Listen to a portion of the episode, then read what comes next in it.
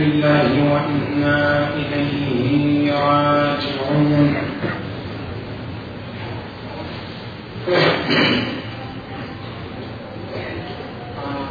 وسيعلم الذين ظلموا آل بيت محمد حقهم. منقلب ينقلبون. والعاقبة للمتقين.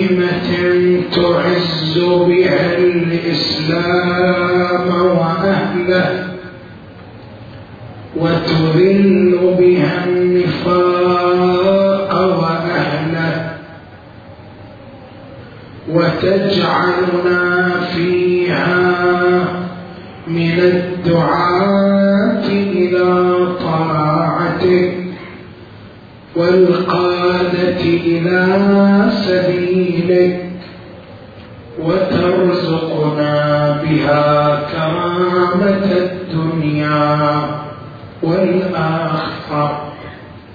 طيبوا مجالسكم. بالصلاة على محمد وآل محمد.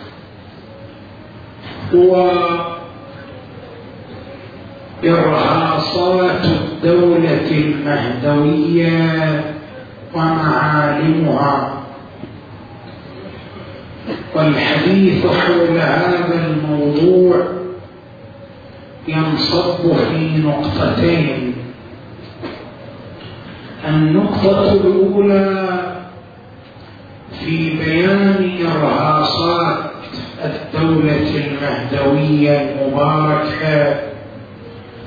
والنقطة الثانية في الحديث حول معالم الدولة المهدوية المباركة.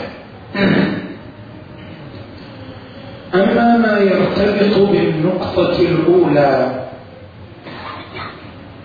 الدولة التي نتطلع إليها جميعا وتشرد إليها أعناقنا دولة الحق والعدل ودولة الله في أرضه قبل أن تتحقق هذه الدولة المباركة تتقدمها عدة إرهاصات وهذه الإرهاصات قد نساهم نحن في تحققها. ما هي هذه الإرهاصات؟ الإرهاص الأول هو اختلال الوضع الأمني. لا يظهر الحجة عجل الله فرجه. إلا بعد أن ينتشر اختلال الوضع الأمني في الأرض كلها. ورد في الرواية عن النبي الأعظم صلى الله عليه وآله قال لا يقوم المهدي حتى تؤخذ المرأة من وسط الطريق نهارا جهارا. ولا ينكر ذلك أحد. وورد عنه صلى الله عليه وآله قال وعندنا قصير الدنيا هرجا وهرجا ويغار بعضكم. يغار ليس من الغيرة وإنما من الغار. ويغار بعضكم على بعض فحينئذ يخرج المهدي. وورد في الرواية عن الإمام الباقر صلوات الله وسلامه عليه عندما سأله محمد بن مسلم رضوان الله تعالى عليه متى يخرج المهدي؟ قال إذا استخف بالدماء إذا صارت الدماء لا قيمة لها حينئذ يخرج المهدي عليه السلام. إذا هذه الروايات كيف تصور لنا الوضع قبل ظهور الإمام؟ تصور لنا الوضع بأنه عبارة عن انتشار حالات القتل في المجتمع استخفاف الدماء. تصور لنا الوضع بأنه عبارة عن انتشار ظاهرة السرقة في المجتمع ولا تكون السرقة من أفراد من خارج المجتمع وإنما تكون ماذا؟ من أفراد من داخل المجتمع ويغار بعضكم على بعض فسيخرج الإمام صلوات الله وسلامه عليه بعد أن تنتشر السرقات وبعد أن يستخف بالدماء وبعد أن تمتلئ الأرض فسادا أمنيا تهتك الأعراض ويتعدى على حرمة النساء أمام الأعين ولا أحد ينكر ولا أحد يتكلم كما نشاهد ذلك في زماننا ولا نعلم هل نحن نعيش في هذه المرحلة الآن أم هنالك ستأتي مرحلة أسوأ من هذه المرحلة. هذا ما لا نعلم. هذا الإرهاص وهو اختلال الوضع الأمني. ما هو السبب؟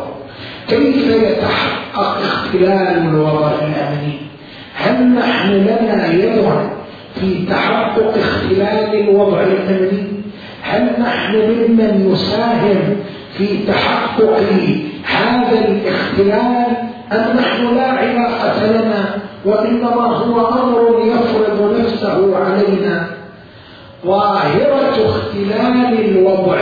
الأمني بانتشار القتل بانتشار السرقات بانتشار التعدي على الحرمات. هنالك لها عدة أسباب بعض أسبابها أنتم تعلمونها ومن أهم أسبابها سبب يعود إلينا نحن. ما هو هذا السبب؟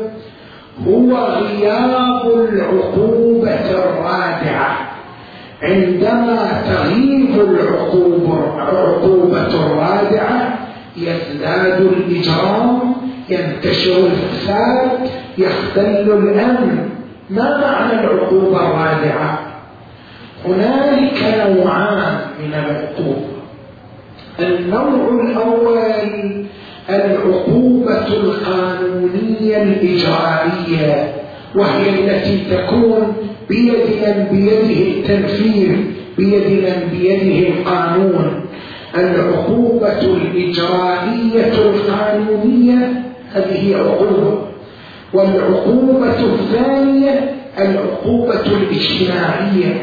أن يعاقب المجتمع المجرم أن يؤاخذ المجتمع المجرم على جرمه هنالك عقوبتان. وكلتا العقوبتين ركز عليهما الشرع أما العقوبة الأولى وهي العقوبة القانونية الإجرائية التنفيذية تحدث عنها القرآن فقال ولكم في القصاص حياة يا أولي الألباب لعلكم تتقون. هذه الآية تحدثنا عن أمر مهم. الآية تقول بأن انتظام الحياة انتظام الحياة يتوقف على إجراء العقوبات القصاصية عندما يسرق السارق تقطع يده. عندما ينتهك أحد حرمة امرأة يعاقب على انتهاكه لحرمتها. عندما نجري القصاص نجري الحدود نجري التعزيرات حينئذ ماذا؟ ولكم في القصاص حياة تستقيم الحياة. يا أولي الألباب يعني يا من له عقول تفكرون بها لعلكم تتقون. تتقون يعني تكون عندكم حالة من الارتداع حالة من الامتناع. المجرم السارق إذا وجد السارق الآخر عندما يسرق تقطع يده امتنعه عن السرقة. المجرم المتعدي على حرمات الناس عندما يجد المجرم الآخر قد استحق العقوبة القانونية الإجرائية من قبل من بيده القانون هو حينئذ ماذا؟ يرتفع. وأما العقوبات القانونية الإجرائية ونحن ساهمنا في إلغائها. هذا سرق بيتي أقول ما يخالف إذا ما دام من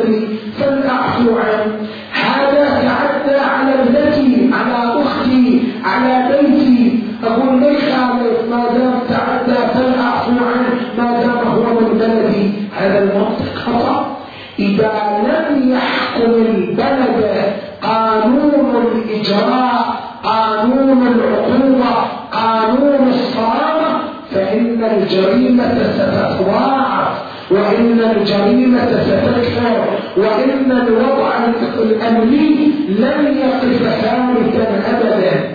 إذا العقوبة القانونية الإجرائية أمر في غاية الأهمية. العقوبة الثانية وهي العقوبة الثانية هي العقوبة الاجتماعية. نحن كمجتمع وظيفتنا أن نعاقب المجتمع. أن نعاقب المجرم. ليس الذي يعاقب المجرم هو القانون. لا. قبل القانون المجتمع ينبغي أن يعاقب المجرم. كيف يعاقب المجرم؟ ورد في الرواية عن أمير المؤمنين صلوات الله وسلامه عليه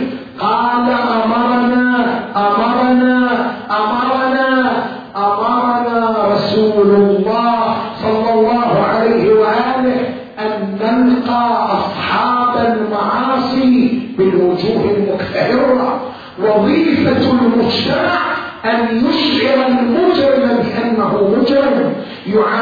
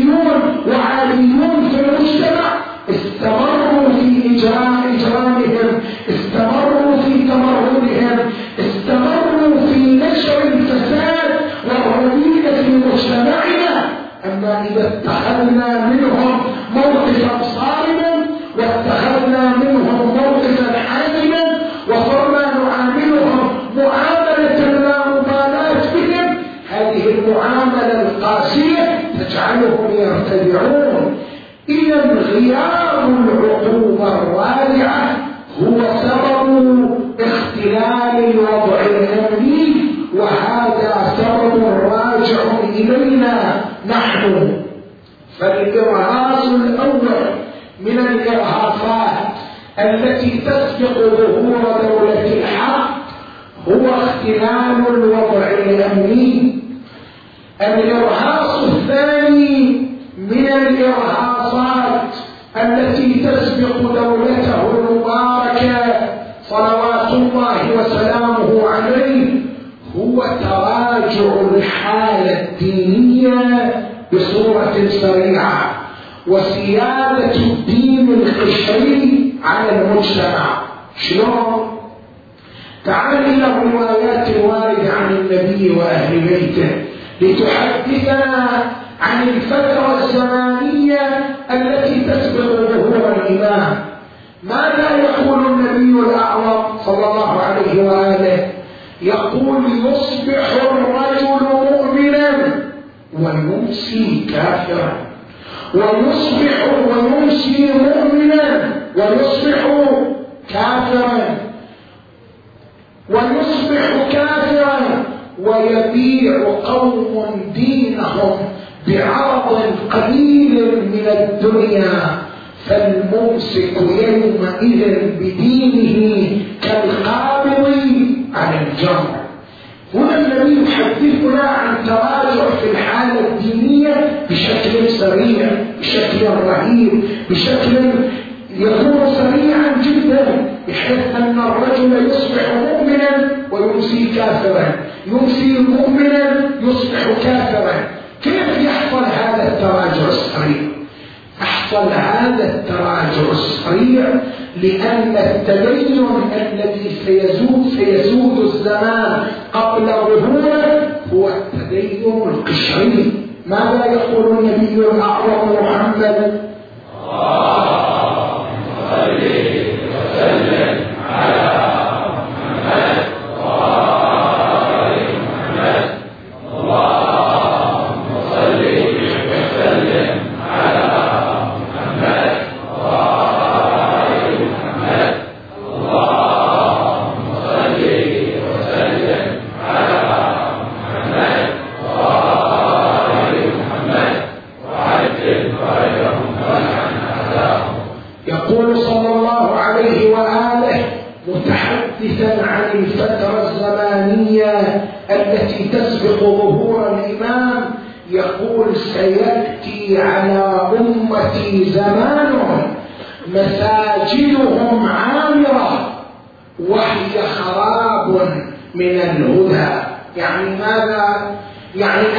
المساجد ستكون عامرة الناس يرتادون المساجد يرتادون الحسينيات ولكنهم يعيشون تدينا قشريا. في داخلهم هم بعيدون عن الدين في داخلهم هم خالون من الهدى.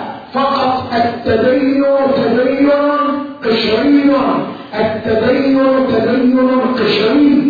لذلك يقول الإمام أمير المؤمنين عندما قال يملأ الأرض قسطا وعدلا كما ملئت ظلما وجورا قيل له يا أمير المؤمنين ومتى ذلك؟ قال هيهات ذلك إذا خرجتم من الدين إلى الروايات تحذر وتحذر وتنذر بأمر خطير أن هنالك قبل خروج الإمام المهدي سيتحقق تراجع في الحالة الدينية بشكل سريع ورهيب جدا إنت نسأل هذا الإرهاص التراجع في الحالة الدينية بشكل سريع هل نحن لنا علاقة به؟ هل هو مرتبط بنا؟ هل نحن نشكل سببا من أسبابه؟ هذا التراجع السريع في الحالة الدينية من أهم أسبابه عدم الوعي بالزمان. الإنسان الذي يعيش في الزمان ولا ولا يعلم بما يدور حوله هذا الإنسان يكون في معرض التراجع عن الحالة الدينية بصورة سريعة لماذا؟ الآن لو طبقنا ذلك على زماننا زماننا الآن هو زمان التحديات. نحن الآن الطائفة الشيعية في مجتمعنا بالخصوص تواجه تحديات عديدة. نحن نواجه تحديات اقتصادية نواجه تحديات عقائدية نواجه تحديات فكرية. المذاهب المختلفة هي متصدية لنا القوى الكبرى هي متصدية لنا الدول الكبرى أيضا متصدية لنا. يحاولون شن اقتصادنا يحاولون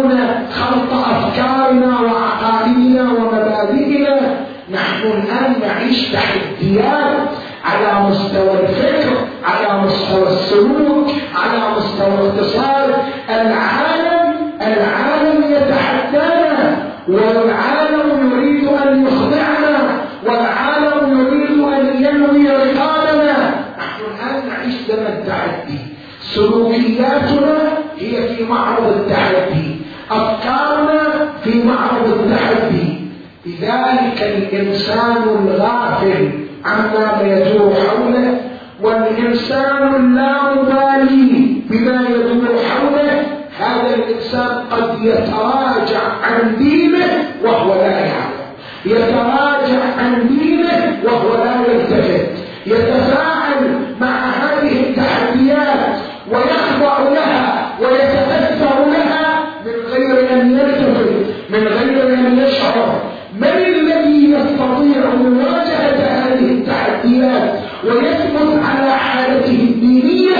هو الإنسان الواعي لما يدور حوله. الإنسان الذي يراقب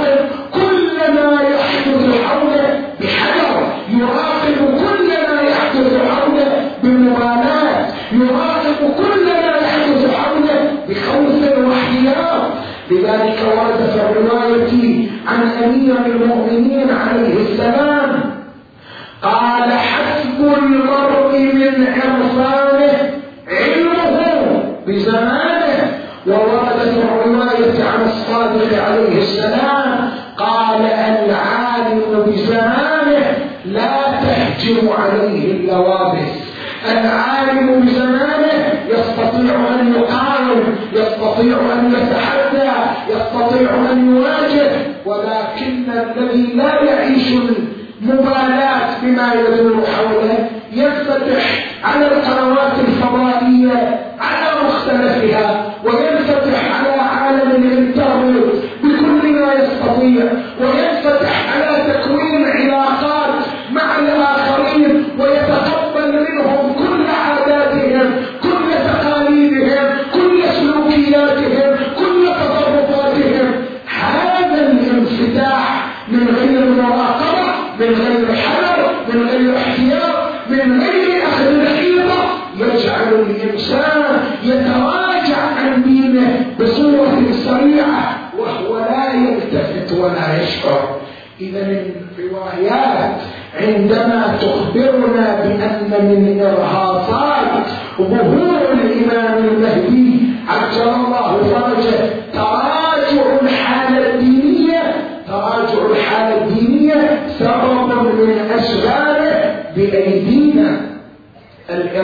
الثالث من الإرهاصات التي تسبق ظهور الطلعه المباركه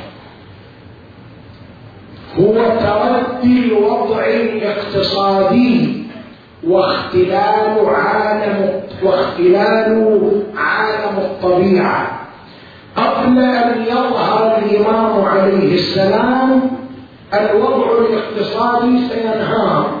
وعالم الطبيعة عالم الطبيعة ستحدث في تحدث فيه كثير من ثغرات الخلل كما تنبئنا عن ذلك الروايات. ورد في الرواية عن النبي الأعظم محمد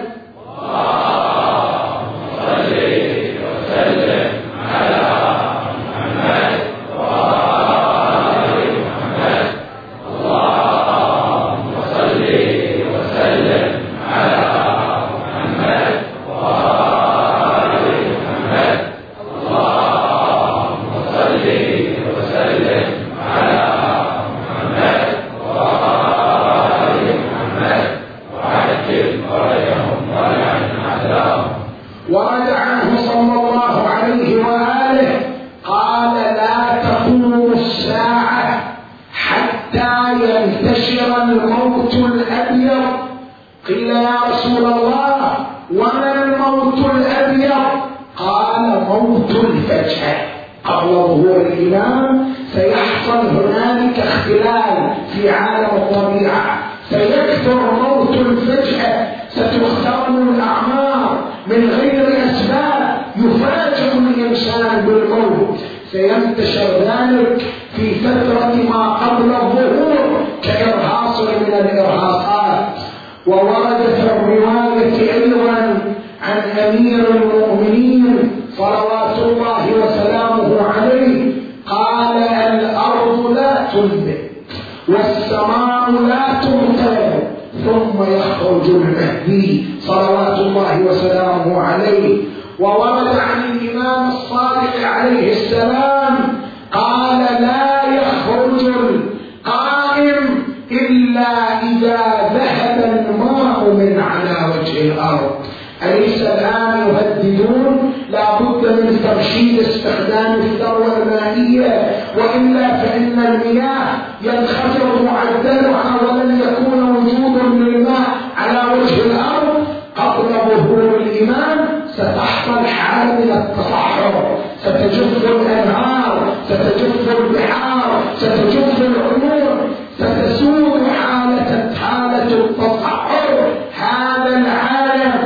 وورد في الرواية عن محمد بن مسلم قال سمعت الإمام الباقر عليه السلام يفسر قوله تعالى ولنبلونكم بشيء من الخوف والجوع ونقص من الأموال والأنفس والثمرات وبشر الصابرين.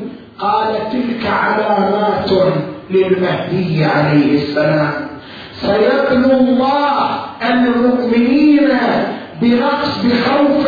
سيبلو الله المؤمنين سيبلو الله المؤمنين بشيء من الخوف من قبل ملوكهم وبشيء من الجوع بغلاء الأسعار وبنقص في الأموال بكثافه التجارات. التجارات لم تكن لها أي قيمة مربحة وبنقص في الأنفس بانتشار الموت الذريع وبنقص في الثمرات لقلة ريع ما يزرع الوضع الاقتصادي سينهار قبل ظهور الإيمان وسيحدث اختلال في عالم الطبيعة. طيب هذا هذا الإرهاق نحن لنا علاقه به هل نحن أيضا نشكل جزء السبب له جزء السبب له؟ أم ماذا؟ الروايات والقرآن يؤكدان على أن لنا علاقة وثيقة بهذا الارهاص القرآن ماذا يقول؟ وضرب الله مثلا قرية كانت آمنة مطمئنة. يأتيها رزقها رغدا من كل مكان. فكفرت بأنعم الله فأذاقها الله لباس الجوع والخوف بما كانوا يصنعون. هذه الآية عن ماذا تحدثنا؟ هذه الآية يا إخوان تحدثنا عن سنة من السنن الكونية خطيرة هذه السنة الكونية ما هي؟ السنة الكونية كلما انتشرت ظاهرة الإسراف وظاهرة التبذير كلما رفع الله النعم وابتلى الله ذلك المجتمع بالأمراض والابتلاءات والقضاء والمشاكل الاقتصادية والمادية الآن تعال لنرى أن مجتمعنا له يد في ذلك أم لا؟ لا يد له في ذلك. فلنلاحظ فلنلقي بنظرة على حفلات الزفاف في مجتمعاتنا. فلنلقي بنظرة على مجالس الفاتحة في مجتمعنا. فلنلقي بنظرة على بناء البيوت وتأسيسها في مجتمعنا.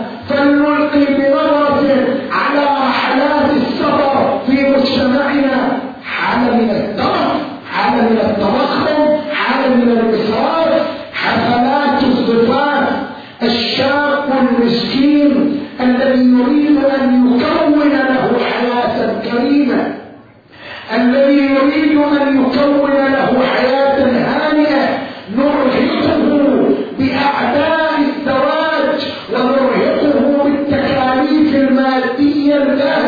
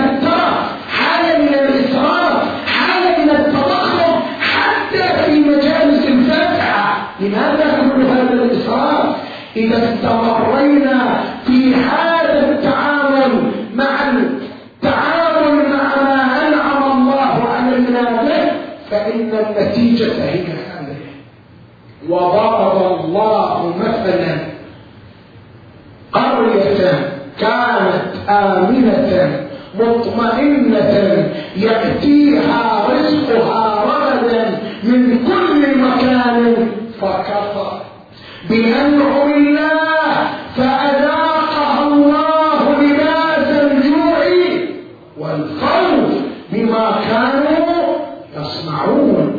إذا هذا الإرهاص مرتبط بنا ونحن لنا ونحن نشكل جزء السلب في تحققه.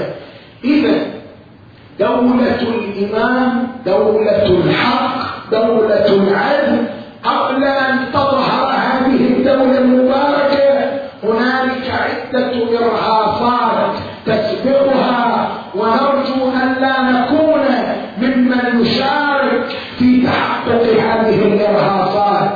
انت إلى النقطة الثانية وهي بيان معالم الدولة المهدوية هذه أيضا تحتاج إلى صلوات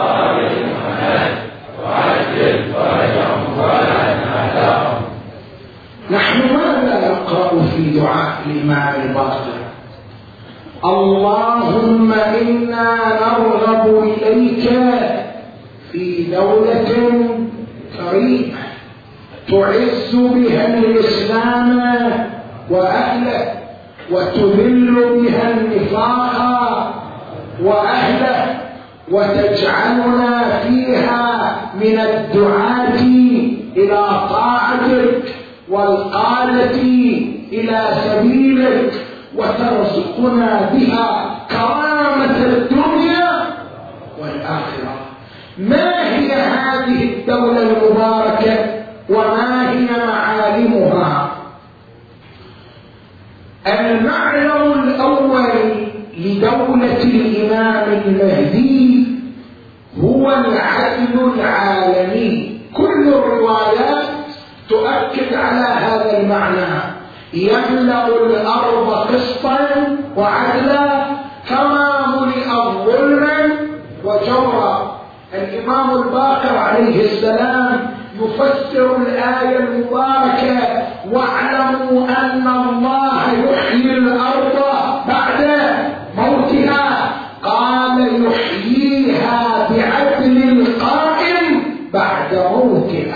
بالظلم عدل الإمام المهدي هو الذي سيحيي الأرض. لماذا؟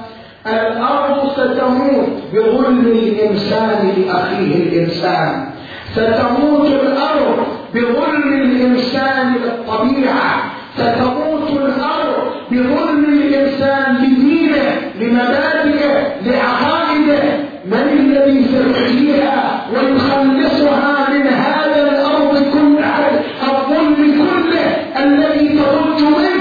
هو الإمام المهدي عجل الله فاته ولكن كيف سينشر الإمام المهدي العدل ما هي الآلية التي سيستخدمها الإمام من أجل نشر راية العدل؟ هل الإمام سيستخدم السيف كآلة من الآليات لنشر عدله؟ أم أن الإمام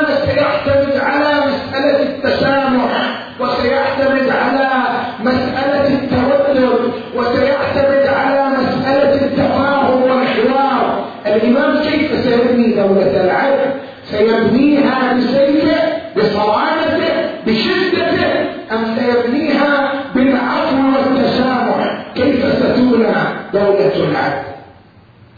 يأتي بعضهم يقول نحن عندما نرجع إلى الروايات التي تحدثت عن كيفية بناء الإمام لدولة العدل. نرى أن الإمام سيستخدم أسلوبا قاسيا عنيفا مثلا ورد أن الناس سيتمنون أنهم لن يدركوا زمانه لكثرة ما يرون من القتل على يديه. ووردت الرواية عن الصادق عليه السلام قال إذا ظهر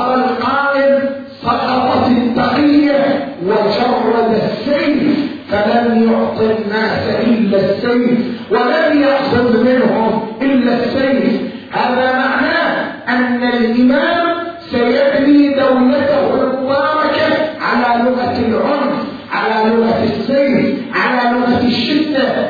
فكيف يتناسب ذلك مع كون الإمام مظهر الرحمة الإلهية صلوات الله وسلامه؟ يجيب عن ذلك بعض الباحثين يقول الروايات التي تحدثت عن الإمام المهدي بهذا النحو لا نقبلها لأنها روايات ضعيفة سندا والروايات الضعيفة سندا لا يمكن التعويل عليها فإن هذا الأمر يتنافى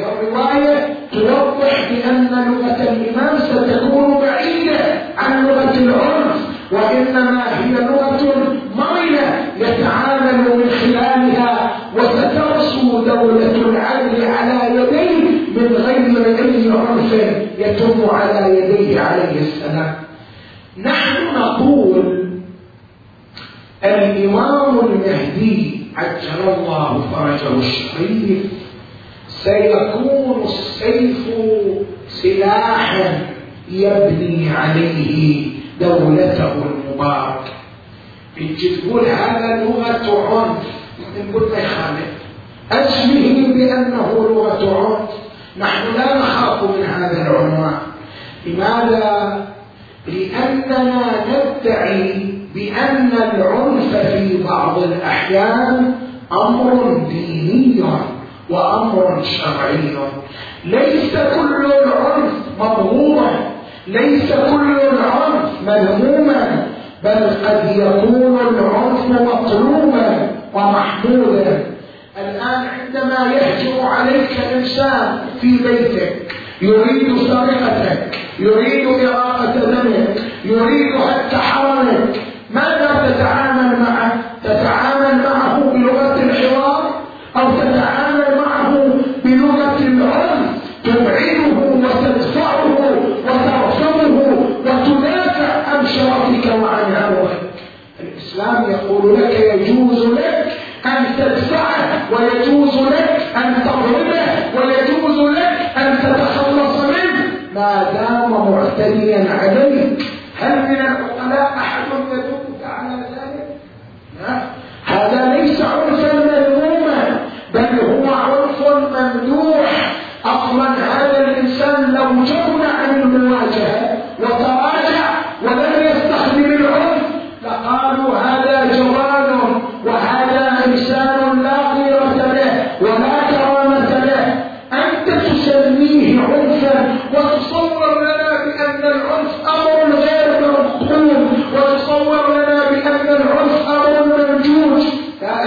قد يكون أمرا مطلوبا. الآن عندما يأتي هنالك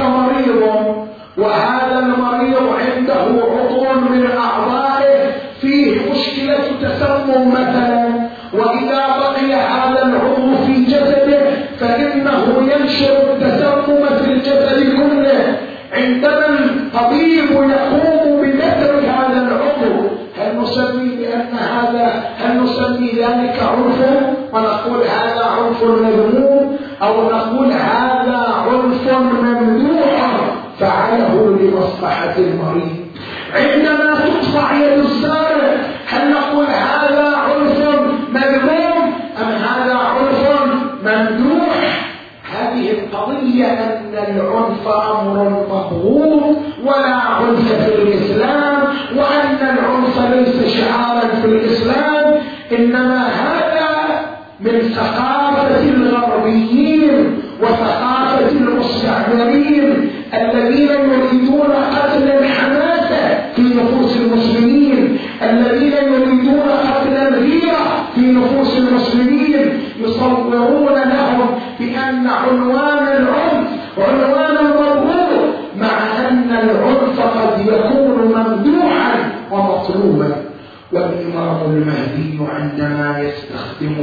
السيف في إقامة دولة العدل.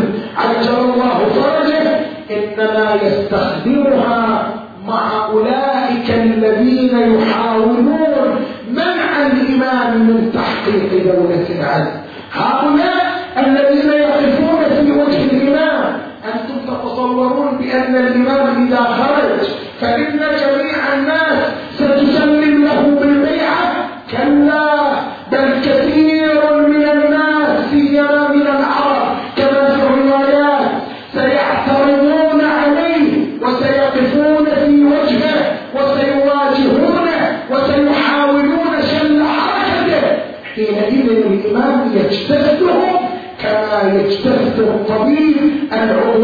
المسموم كما يجتث الطبيب الغدة السرطانية حتى لا تؤثر على بقية الجسد. كذلك الإمام يجتثهم ويتخلص منهم وليس ذلك من العنف المذموم.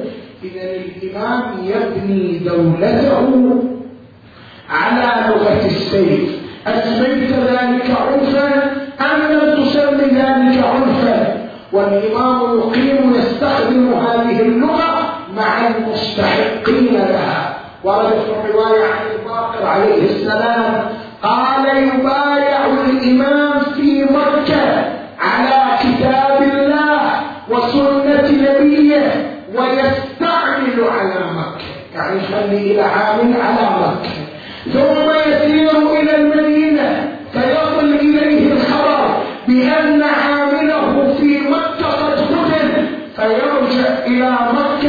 مكة قد قتل فيرجع إلى مكة ويقتل على ذلك. إذا الإمام إنما يستخدم لغة السيف مع أولئك الذين يواجهون حركته المباركة ويرفضون الخضوع لإقامة دولة العدل المباركة. إذا المعلم الذي كل الأنظار تطمح إليه هو معلم العدل العالمي. الذي سيسود الدنيا على يد الإمام عليه السلام. المعلم الآخر المعلم الثاني أتعرض له باختصار وأجتنب عن بقية المعالم. المعلم الثاني لدولة الإمام هو الحضارة الكونية. دولة الإمام المهدي لك أن تتصورها بأنها الجنة. إذا عبرت لك عن دولة الإمام بأنها الجنة فلست مبالغا. الحضارة الكونية لن تتحقق إلا على يد الإمام المهدي عجل الله فرجه. يقول الإمام يقول النبي الأعظم صلى الله عليه وآله ستنعم أمتي في زمانه نعيما لم تنعم مثله قط. النعيم الإلهي سينتشر على الأرض. على يد صاحب الزمان عجل الله فرجه يتحدث الإمام الباقر عن النهضة العمرانية التي ستسود العالم في زمن الإمام المهدي. ماذا يقول؟ يقول ولن يبق خراب على وجه الأرض إلا عمره الله. ستكون الدنيا عمرانا وستكون الدنيا تشتمل وستكون الدنيا ذات نهضة عمرانية كبرى ولن يبقى هنالك مرض من الأمراض. الأطباء المستشفيات كل ذلك ستطفى الأبواب. ورد في الرواية عن الإمام الباقر عليه السلام قال من أدرك قائم أهل بيتي ضعف قوي العاهات سترتفع والضعف سيرتفع وستحل القوة والعافية لتملأ أرجاء المعمورة بتمامها. وسيسود العلم كل مرافق الحياة. ورد في الرواية عن الباقر عليه السلام قال ستؤتون الحكمة في زمانه حتى أن المرأة تقضي في بيتها بكتاب الله وسنة رسول الله. تقضي المرأة للنساء والنساء يتقاضين عند المرأة. كل الناس يلهمون الحكمة في زمانه صلوات الله وسلامه عليه. وترتفع أرومة العلم في زمانه صلوات الله وسلامه عليه.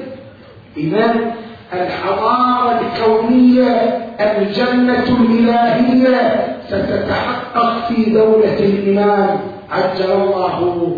فرجه الشريف ومتعنا بدعائه ولطفه ولا حرمنا من رأفته ودعواته صلوات الله وسلامه عليه. نعم ستؤسس هذه الدولة. ولك أن تسميها بدولة الحسين. دولة الإمام المهدي هي دولة الحسين.